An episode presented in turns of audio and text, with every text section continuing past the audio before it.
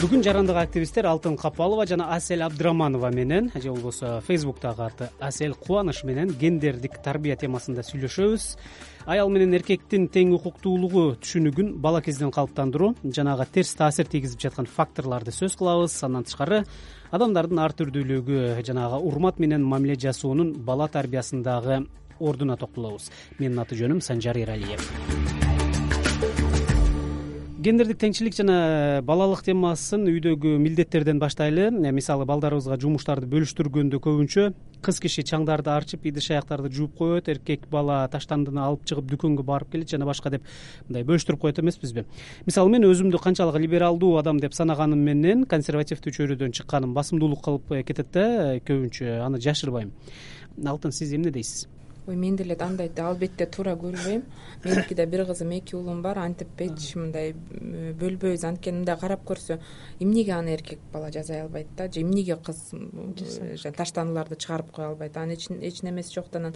Азыр эми булар илгертеден келген да мисалы үчүн эми азыр эч ким билбейм жаныбарларды атып келген убакыт өттү. э эми ага ошондой биз мамонт жеп аткандай эле азыркы заманбы убакытта мамонт жеп жүргөндөй эле мамиле кылабыз да. Азыр андай эч э, кажети жок анан аялдар тең бирдей иштеп атат да.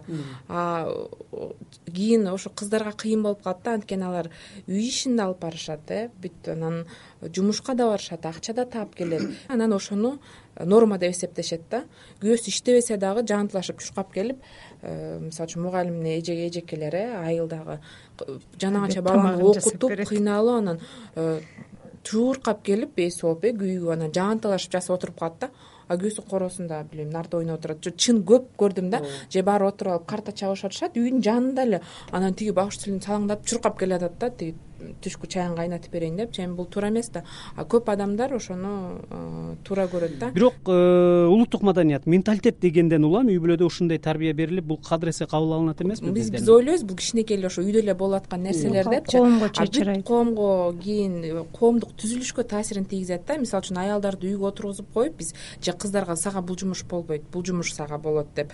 Мисалы үчүн аз акча алып келген жумуштарга көндүрүп коебуз э кыздарды бул деген экономикалык күч да. Биз ошо аялдар менен үйдө отурган аялдар менен ошолор менен кошо көптөгөн экономикалык күчтү жоготуп атабыз да. Ошондуктан ошо ошо баардыгы ошо үйдөн жана идиш аякты бөлүшкөндөн башталат да мындай карап келсе асель сиз уулуңуз менен жашайсыз. Адашпасам он бир он экиге чыгып калды. Сизде балдарга милдет бөлүштүрүү деген деле жок болсо керек э? Мен сизди фейсбукка жазгандарыңыздан окуп бир ушундай кабыл алам да. Баарын үйрөтөсүзбү уулуңузга бизде деле биз мен балама түшүндүрүп айтам да биз экөөбүз жашайбыз. Түшүндүрүп айтам да мен мен жумушта мисалы иштейм. Офисте эле отуруп компьютерди карап отурсам бул деген эмес мен чарчабайм да. Чарчап келем мисалы. Сенден кандай жардам күтсөм болот? Өзүнөн сурадым. Сен эмнени кыла алам деп ойлойсуң азыр эмнени жасай алам деп ойлойсуң? Давай жасап көрөлүк анда ошондуктан азыр мисалы он экиге чыгып калды.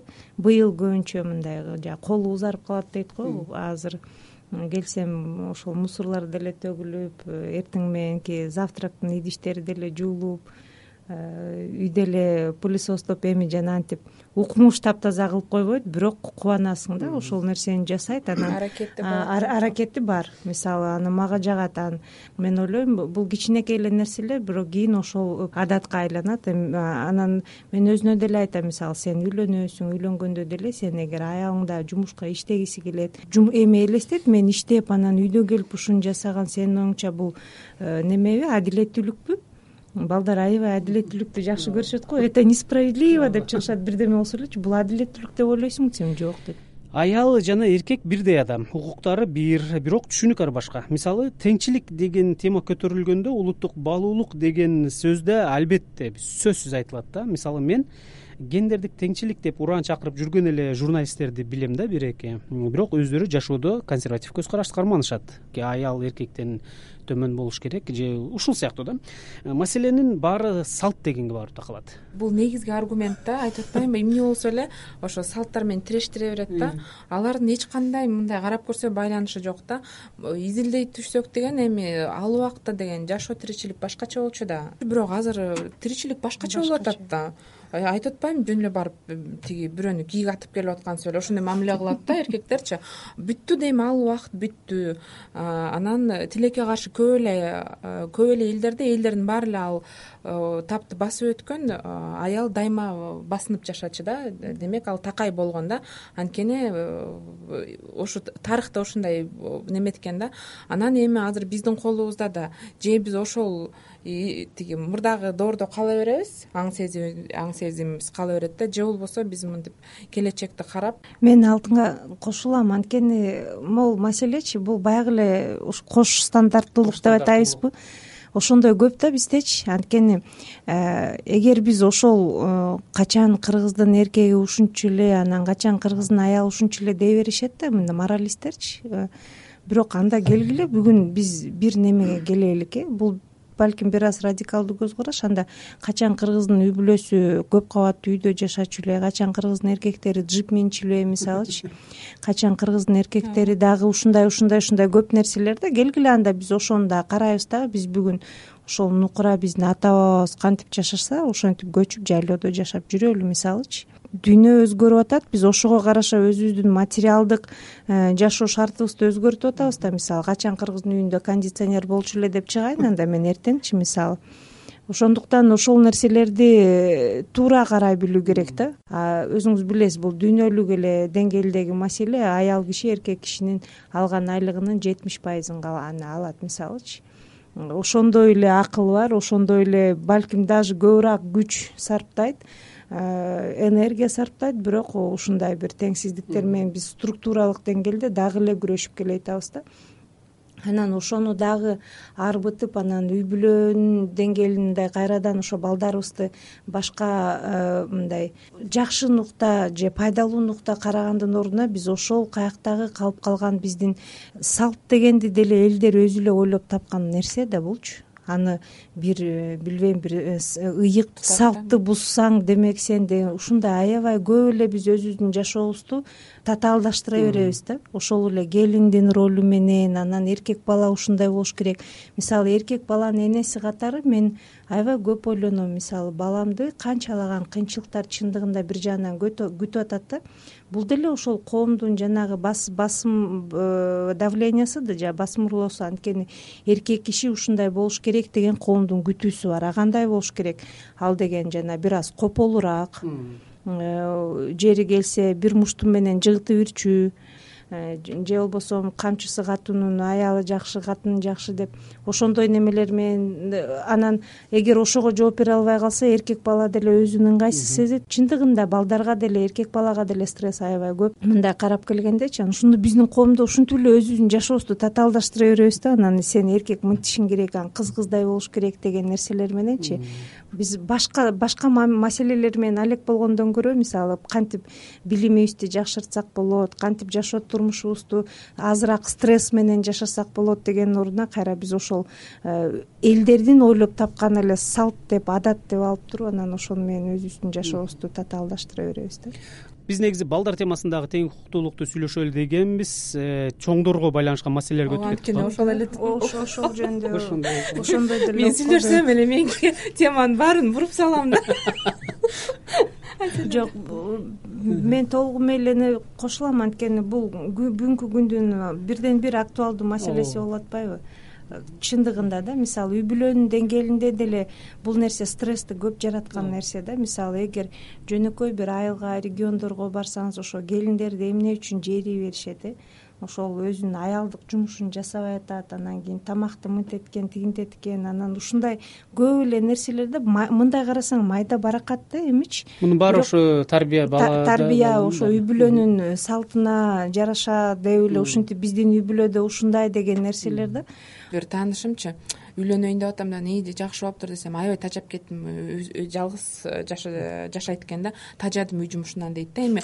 Анын ошо үй үй бүлө курам дегени ошону балдарыма айтып берип атпаймынбы балдарым азыр чоңоюп калды. Ошо максаты негизги эле неме болуш керек деп ошо үй үй жыйнай турган тамагын жасай турган ошон үчүн үйлөнүп атат да анан мен айтып атпаймынбы анда бар бир неме гувернантка алып ал. Эми эмне эмне кереги бар калың берип той кылып эмне кыласың деппи ошо ошентип тамашаламакчы болуп бирок аябай ичимен аябай жиним келди да. Эми үй бүлө куруу ошого негизделсе эми бул эмне кандай үй бүлө да билбейм. Эми карагыла гендердик теңчилик. Аял эркектин тең укуктары деп ураан чакырып келатканыбызга көп жыл болду да. Бирок дал ушул маселени балдардын деңгээлинде алып чыкпаганыбыз үчүн көйгөйдөн толук арыла албай жатканын турбайбызбы э чоңдор эле өзүбүз менен өзүбүз талашып мен негизи ушу мындай чоң ката деп эсептейм. Көп бейөкмөт уюмдардын арасында дагы кечке эле чоңдор менен иштедик да чоң аудитория мененчи анан мен такай айтам соц тармактарда да жазгам. Биз биякта күрөшкөнчө тиякта дагы армия чоңоюп келатат депчи демек биз кайра алар менен ошондуктан сөзсүз балдар менен иштеш керек депчи анан азыр бир жакшы көрүнүштөр болуп атат. Э, билим министрлиги ошо бейөкмөт уюмдар менен эл аралык уюмдар менен биригип жанаг анализ кылдыңар э китептерди? э, гендерный гендердик анализден өттү да көптөгөн китептерчи. Анан мен да бир канча китеп карадым эми мисалы үчүн тарых китебин айтайынбы токсон сегиз процент эркектер да. Э, тарыхый инсандар дагы анан жөн эле сүрөт болсо дагы. Анан эми мен түшүнөм ошондой эми көбүнчө эркектер болчу да. Бирок ошо аялдар болгон учурда дагы мисалы үчүн сүрөтчүлөр десе алар көрсөтүлбөйт. Анткени көнүп калган да адамдар ошондой ошондой багытта ойлонупчу. Бүт ал тарых китебин окусаң бүт анан эркектердин эле согушканы да кечкечи анан мен да ошо жаздым анализ жазып аткандачы. Эмнеге ошол адамдардын э, маданияты жөнүндө сүйлөшпөйбүз э? тиричилиги жөнүндө бар да маалыматчы. Согуштарды эле жаза берген да анан ошо элестет ошо өспүрүм балдар окуса алар да ошо биз кыргыздар согушуп эле келиптирбиз дейт кыргыз эмес дүйнөлүк тарыхты дагычы анан алар ошо согушту норма катары көрүп калат да. Ошо ошо биз балдарды согушка даяр кылып э, өстүрүп атабыз да. Анан ошо аялдар тууралуу э, технология мисалы үчүн вайфайды аял киши ойлоп тапкан э? Технологияларда дагы аялдар эч каралбайт да жалаң эле инсандардын баары эркектер сүрөттөр жалаң эркектердики обложкада эркектин сүрөтү турат. Тура берсин бирок жанында аял киши да сөзсүз болуш керек да. Керек болсо бала бакчадан башташ керек да билесиңби ал бир жанагы китеп бирге окуйбуз долбоорун алканда иштегенде биз жазуучулардын караванын э, региондорго барып жазуучулар китеп окуганда анан бир комментарий алганбыз алтын э, балдар жазуучу катары бир канча областьтарга барганда анан ии аял жазуучу дагы болот экен э? деп мындай. Биринчиден балдар тирүү жазуучу көргөнүнө таң калышыптыр. Анткени жазуучу дегендин баардыгы эле өлүп калганда жазуучу болот деп ойлойт экен эле балдар. Анан экинчиден анан жаш анан аял деле жазуучу боло алат экен деп таң калышкан да мындайчы биз бүгүн балага гендердик тарбия берүү темасында сүйлөшүп отурабыз. Менин аты жөнүм санжар эралиев маектештерим жарандык активисттер коомдук иштер менен да бала тарбиясы менен да тынымсыз аракеттенип жүргөн инсандар. Асель абдыраманова жана алтын капалова. Гендердик теңчилик дегени бул адамдын укугунун негизги түшүнүктөрүнүн бири. Соңку кездери дүйнөдө сексуалдык азчылык же болбосо лгбт коомунун укуктары тынымсыз айтылып жүрөт түшүнүктөр жана стереотиптерден улам көп учурларда аларды адамдар жээрип атпайбы. Алар деле коомдун толук кандуу өкүлдөрү экенин кабыл алгысы келбегендер бар айрыкча биздин коомдо. Биз бул суроону да бүгүнкү маегибизде тегеректеп өтүп кете албайбыз. Анткени гендердик тарбия жөнүндө сүйлөшүп атпайбызбы. Менин э, мисалы уул кызым өспүрүм куракка келип калышты. Жакында кызым бир досу жөнүндө айтып атпайбы. Баланча гей экен аны балдардын баары шылыңдап атышат мен ага боору ооруп колдоп коюшум керек депчи уулум болсо дароо эле эмоция менен жооп берип гомофобиялык бир э, көз карашта карындашына жооп берип койду да. Э, ошондон бери ойлонуп жатпаймынбы балдарга бул теманы азыртадан түшүндүрүшүм керекпи кантип депчи силердин үй бүлөдө бул тема ачык сүйлөшүлөбү ачык сүйлөшөсүңөрбү бул темада? Бизде ачык мисалы биз балам э, сексист гомофоб расист деген терминдерди менен тааныш анан биз кандайча мисалы көп түрдүүлүк жөнүндө сүйлөгөнбүз да дүйнө бул мындай ак же кара. Мисалы биз өскөн жомокторду эстесеңиз э, жакшы жана жаман деп эле биз бөлүнгөн эле жомоктор да кайсыл гана жомокту карасаңыз жакшы кыздын ролу э, образы бар жамандын образы бар. Мисалы өгөй эненин образы бар өз эненин образы ушундай нерселер бизди мынтип эки эки гана биполярдуу неме менен чоңойткон да бирок дүйнө ар түрдүү түстүү экенин мисалы эми эми эле өзү өзүм деле да мисалы мындай караганда түшүнгөнбүз ошондуктан чынын айтсам биз балам экөөбүз бул темаларга бир топ эле жыл болуп калды. Мисалы мен ойлойм балдардын ошол түшүнүгү болуш керек да. Анткени биздин убакытта деле ар түрдүү э, ориентациядагы адамдар болгон да бирок маалымат ушунчалык катуу кармалгандыктан биз билген эмеспиз да азыр балдар билет. Тем более э, мисалы э, чет жактарга чыгып жүрөт анан чет жака барып окугусу келет анан э, мен ойлойм балдар толук түрдө эле биринчиден маалымат болуш керек экинчиден дүйнөнүн көп түрдүү экенин билип анан кабыл алыш керек да. Анткени ар кимдин бул укук маселеси деп. Укук маселеси аркылуу биз мисалы сүйлөшкөнбүз. Мен ойлойм бала туптуура эле түшүнөт да балачы бул ошол чоң адамдар өздөрүнүн кандайдыр бир стереотиптеринен коркууларынан ушу айтып атпаймынбы? Мен эмнелеримди билбей калдым да. Бирок мен э, балдарым баардык нерсени кичинесинен түшүнүп чоңоюшун каалайм да. Деги кандайдыр бир рамкадагы түшүнүктөр менен тарбия берүүнүн оң терс жактары жөнүндө сүйлөшпөйбү мен деле көп угам мен сен балаңды аябай эле э, либеральный кылам деп анан кийин кыйналып каласың.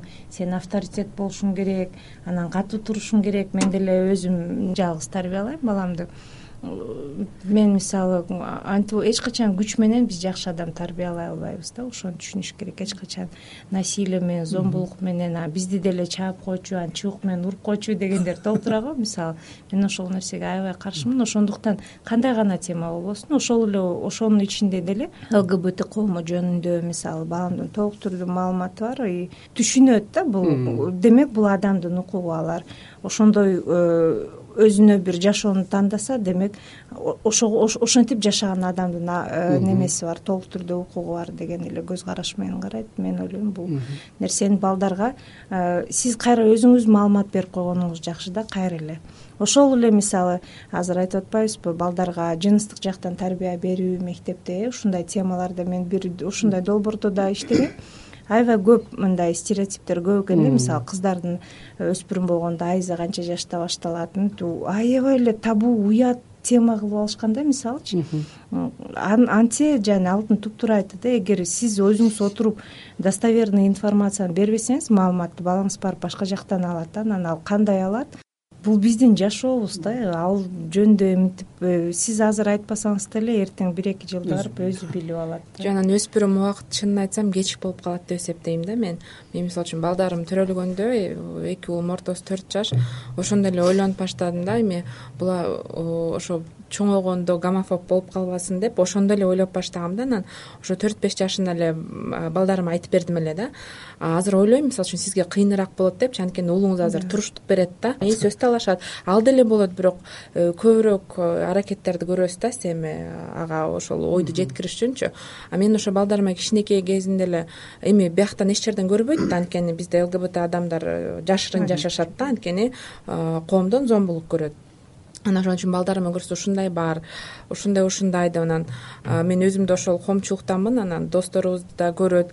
Демек алардындай көз карашы анан аларды да биз мындай да бар да ошо лгбт коомчулугунан болсо бир экзотикадай кылып же аларды бир өзгөчө ал жөнөкөй эле адамдар да эми ар адам ар ошондой жаратылыш ошондой жаратып койгон. Жек көрүп аларды. Бул укук тепселөө. Анан жанагы э, пропаганда кылса анан баары эле болуп кетет да. Андай болсо дүйнөнүн баары эле эч ак эле көп эле батыш өлкөлөрүндө алар эркин жүрүшөт да. Андай болсо элдин баары эле эч ак эле же мисалы үчүн мен айтам да буга чейин жанагы э, мен мисалы үчүн кичинекей өмүр көргөн эмесмин андай адамдардычы. Менин э, курбуларым деле же досторум деле ошо лгбт коомчулугунанчы мен деле мисалы үчүн айылда үй бүлөдө өскөм. Эч анан кайдан жүрүп эле анан кийин эле анан эмне эмне лесбиянка болуп калдыңбы депчи? Демек мен эч кандай пропаганда көргөн эмесмин да мындай. Логиканы эч иштетпей эле карама каршы коюп салттаргачы. Эми ал салт менен эч кандай байланышы жок. Бул такай болгон илгери бизде жок болчу бизде зомбулук жок болчу. Бүт баардык нерселер бар болчу. Кыздарыбызды балдарыбызга мындай билбейм туура деп дегенден да корком эми жок дегенде эми туура кандай экенин ким билет э? Жок дегенде ошо э, дүйнө деген ар түрдүүлүгү менен кызык. Мындай да адамдар бар чачы кызылы да бар көгү да бар карасы да бар. Жагабы сага кара кылып жүрө капкара кылып чачыңды анан мунун чачы сары экен мага жакпайт кара кыл дегендей эле кеп да э? Ошентип бири бирибизге аябай катуу мамиле кылабыз да. Туура биз балага гендердик тарбия берүү темасында баарлашып жатабыз. Менин аты жөнүм санжар эралиев маектештерим жарандык активисттер асель абдыраманова жана алтын капалова. Эми гендердик тарбия дүйнөнүн ар түрдүүлүгүн баланын кулагына куюп адам укуктарын урматтаган инсан катары өстүрүү темасынан бир аз четтейбиз. Экең өртең балдарыңардын кылык жоруктары сүйлөгөн кызыктуу сөздөрү жөнүндө фейсбукка жана башка социалдык тармактарга чыгарып турасыңар.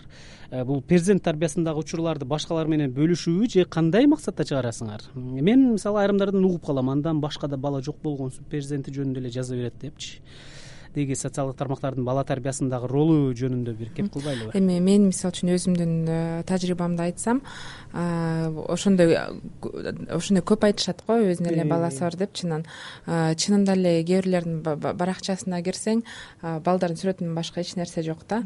Мен ойлойм андай адамдарды деле урушуп кереги жок. Чынында эле биздин коомдо бир четинен аябай балдарга көп мамиле бурабыз экинчи жагынан зомбулук да болуп атат э балдарга.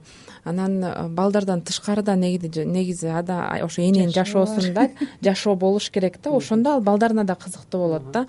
А негизи эне мынтип өзү дагы эмоционалдык жактан туруктуу болуш үчүн маанайы жакшы болуш үчүн балдардан башка дагы билбейм китептери болуш керек курбулары болуш керек профессиясы болуш керек. Ошондо анан мындай өзүнө да оңоюраак болот деп эсептейм да. Мен эми баламдын бир төрт жаштан өткөндөн баштап жазып калдым да.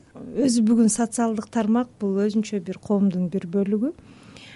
Эми ар кимдин кабыл алуусу бирок ар кандай да ошентип кабыл алгандар деле эми бул баласын акылдуу кылып көрсөткүсү келип атабы же өзүн идеалдуу эне кылып көрсөткүсү келип атабы деген деле ой пикирлер болушу мүмкүн. Бирок өзүмө келип антип айтышкан эмес. Балам бир сегиз жашына чейин окшойт өзүнөн сурабай эле сүйлөшкөнүбүздү жазып коерчумун көбүнчө диалогторду жазам да биздин сүйлөшүп күнүмдүк мисалы мага кызык мен окуйм дайымачы анан кийин ушинтип өзүнчө бир аудиториясы бар да анан жазганымдын себеби ошол эне менен баланын же ата эне менен баланын ортосунда ушундай бир диалогтор болсо балким көп болоттур да. Бирок ошондой анан ошол нерселерди чагылдыргым келет чындыгында. Анан бирок э, акыркы убактарда ошо акыркы үч төрт жылы баламдын өзүнүн жагы көчөдөн таанышып бул султан десем а султанизмди айткан ушул балабы десе анан булар кайдан билет мама анан?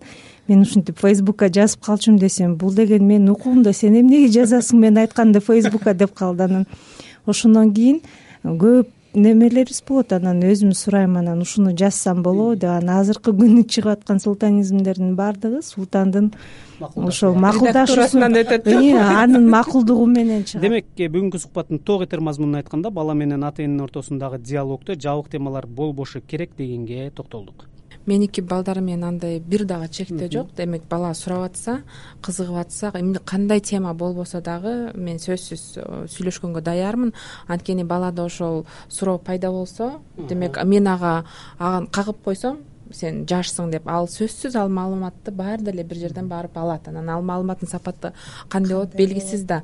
Ошондуктан мен негизи эле ойлойм да биз ой бул жаш бул түшүнбөйт деп коебуз го балдарын мындай карап көрсөң өзгөчө азыркы заманбап балдар аларга маалымат башкача алар төрөлгөндө эле маалымат биягы деле маалымат телефондо эле маалымат телевизордо эле маалымат. Анан ошондуктан мен такыр андай э, чектөөлөрдү койбойм эч убакта. Кандай десем бул өзү ата эне болуу же эне болуп айтып атасыз го могул теманы азыр эрте деп аны бул деген жашоо да.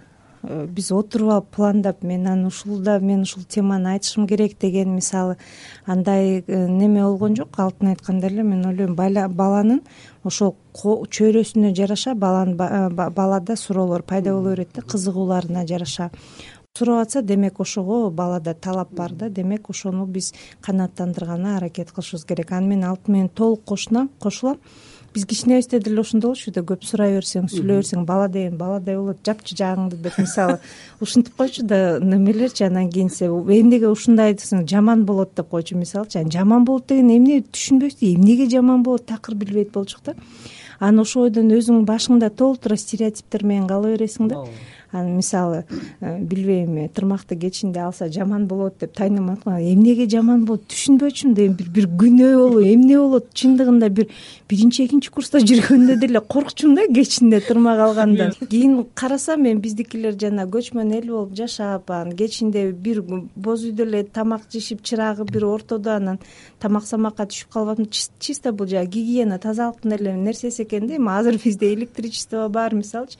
Ошон үчүн ошондо эми жаман болот деп койгондон көрө балага түшүндүрсөң кийин ошондой кыйынчылыктары деле аз болот деп ойлойм да эми. Э, бирок э, чоңдор менен балдардын ортосунда таптакыр бир чектин жок болушу ортодогу сыйга таасир этиши мүмкүн деген да ойлор бар. Даже балдарды мынтип уят карап дагы коюшат да ии чоң атадай болуп кичинекей эле болуп чоң энедей болуп деп жанагы тыкылдап сүйлөгөн балдар мисалы бирдемелерди мен ойлойм бул дагы ошо биздин балдарды жалтак кылып анан кийин э, мындай э, неме кылганы үндөп коет да анан баланын кээ бирде ошондой суроо берүү бул аябай маанилүү нерсе да өзү үчүн. Биз мен мисалы бир жети жылча университетте иштедим кыйналчумун аябайчы ошо студенттер менен иштегенден сурооң барбы десең эле көзүн жалдыратып карап калчу. Анан айтчумун суроо бере билүү бул аябай маанилүү нерсе да. Эми мен балам менен кээде мисалы маектешип атканда кичине мындай провокация да кылып коем да мындай суроолорду сураганды билиш керек деп. Анан кийин анда эгер суроо эмне үчүн деген суроону бере албаган негизинен эле адам мен ойлойм бул жанагы критикалык жактан ой жүгүртүүсүнө тоскоолдук болот да. Биз бүгүн аны көп эле жактан көрүп атабыз да. Кээде болуп калат мындай аябай оюма келбеген бир суроолорду берсе мындай урушкандын ордуна мынтип эле айтам да балам мен бул сурооңо эч качан ойлобоптурмун мен ойлоноюнчу азыр жообун билбейт экенмин то есть бул деген эмне ата энени жанагы э, бүт эле полностью туураны билет бар жокту билет деген ойду дагы бул ата эне деле адам эне деле адам эми университетте өтүп иштесе деле мисалы э билбей калган суроолору болот эми бул нормальный эле деген нерсе ошону бергим келет анан ошол бирок эгер такыр эле жооп бере албай калсам ошентип айтам мен кичине окуп издейинчи мен билбейт экенмин бул суроонун жообун деп. Негизи азыр балдар менен аябай кыйын да мисалы үчүн менин улуу балам аябай футболго кызыгат мындай профессионалдык жаатта кызыгат да анан бир нерселерди айтып берсе эчтеке түшүнбөйм да. Мен дагы ошондоймун оозумду ачып эле анан э, бирок капа кылгым келбейт да. Ал аябай бир терминдерди колдонуп анан бул э, көрдүңбү могул жерде мындай тепти мындай десе мен көрдүм укмуш укмуш деп коем. Бирок мындай эмнеси экенин түшүнбөйм да анан. Бүт футболисттерди билет анан мындай окуйн десем дагы мага кызык кызыктуу эмес да аябай анан ошол маекти баары куруп аракет кылыш керек да анан же ортончу балам э, майнкрафт ойнойт эле да анан көрөйүнчү дедим ошол эми эмне ойноп атат деп анан эки түрү бар экен бирөөсү бири бирин өлтүрүшөт экен анан ойнобойт экен анан бирөөсү креативный деп коет экен да үйлөрдү курушат экен анан кел экөөбүз ойнойбуз деди. Эми башым жетпейт анан аябай баа бердим да ошол оюнгачы ушундай ой жүгүртүүнү өнүктүрөт экен анан эми ал шаар куруп салды да. Аны ойлонуш керек да бир имараттан бир имаратка кандай өтөт анан ал жогору мен оюма келген жок мен мынтип кубиктерди коюп койдум да. Үч төрттөчү аныкы болсо үстүнөн өтмө астынан өтмө. Ал техникадан тышкары дагы ой жүгүрттү да алтын капалова асель абдыраманова жана мен санжар эралиев бүгүн э, балага гендердик тарбия берүү темасында баарлаштык.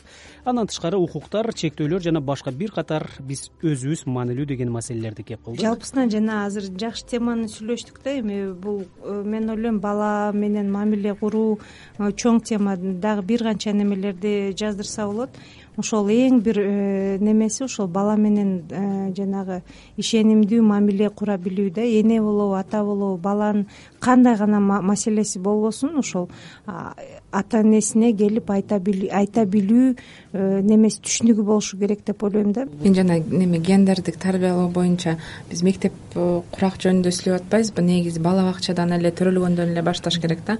Анткени мисалы үчүн менин кызым бала бакчага барып баштады да аябай кыйын да. Анткени бүт эжекелери тиги сен кара кийбе ак кийип кел анан көнүк кийип кел деп ушинтип үйрөтүшөт кыздар мынтпейт эркек балдар ыйлабайт деп. Мен такай айтам эмнеге ыйлабайт эмне алардын жашы башкача бекен же алардын жашы муздан жасалган бекен деп. Бирок ошолорго түшүндүрө берген да аябай кыйын да. биз ой пикирлерибизди бирөөлөргө таңуулабайбыз ар кимдин пикирин урматтайбыз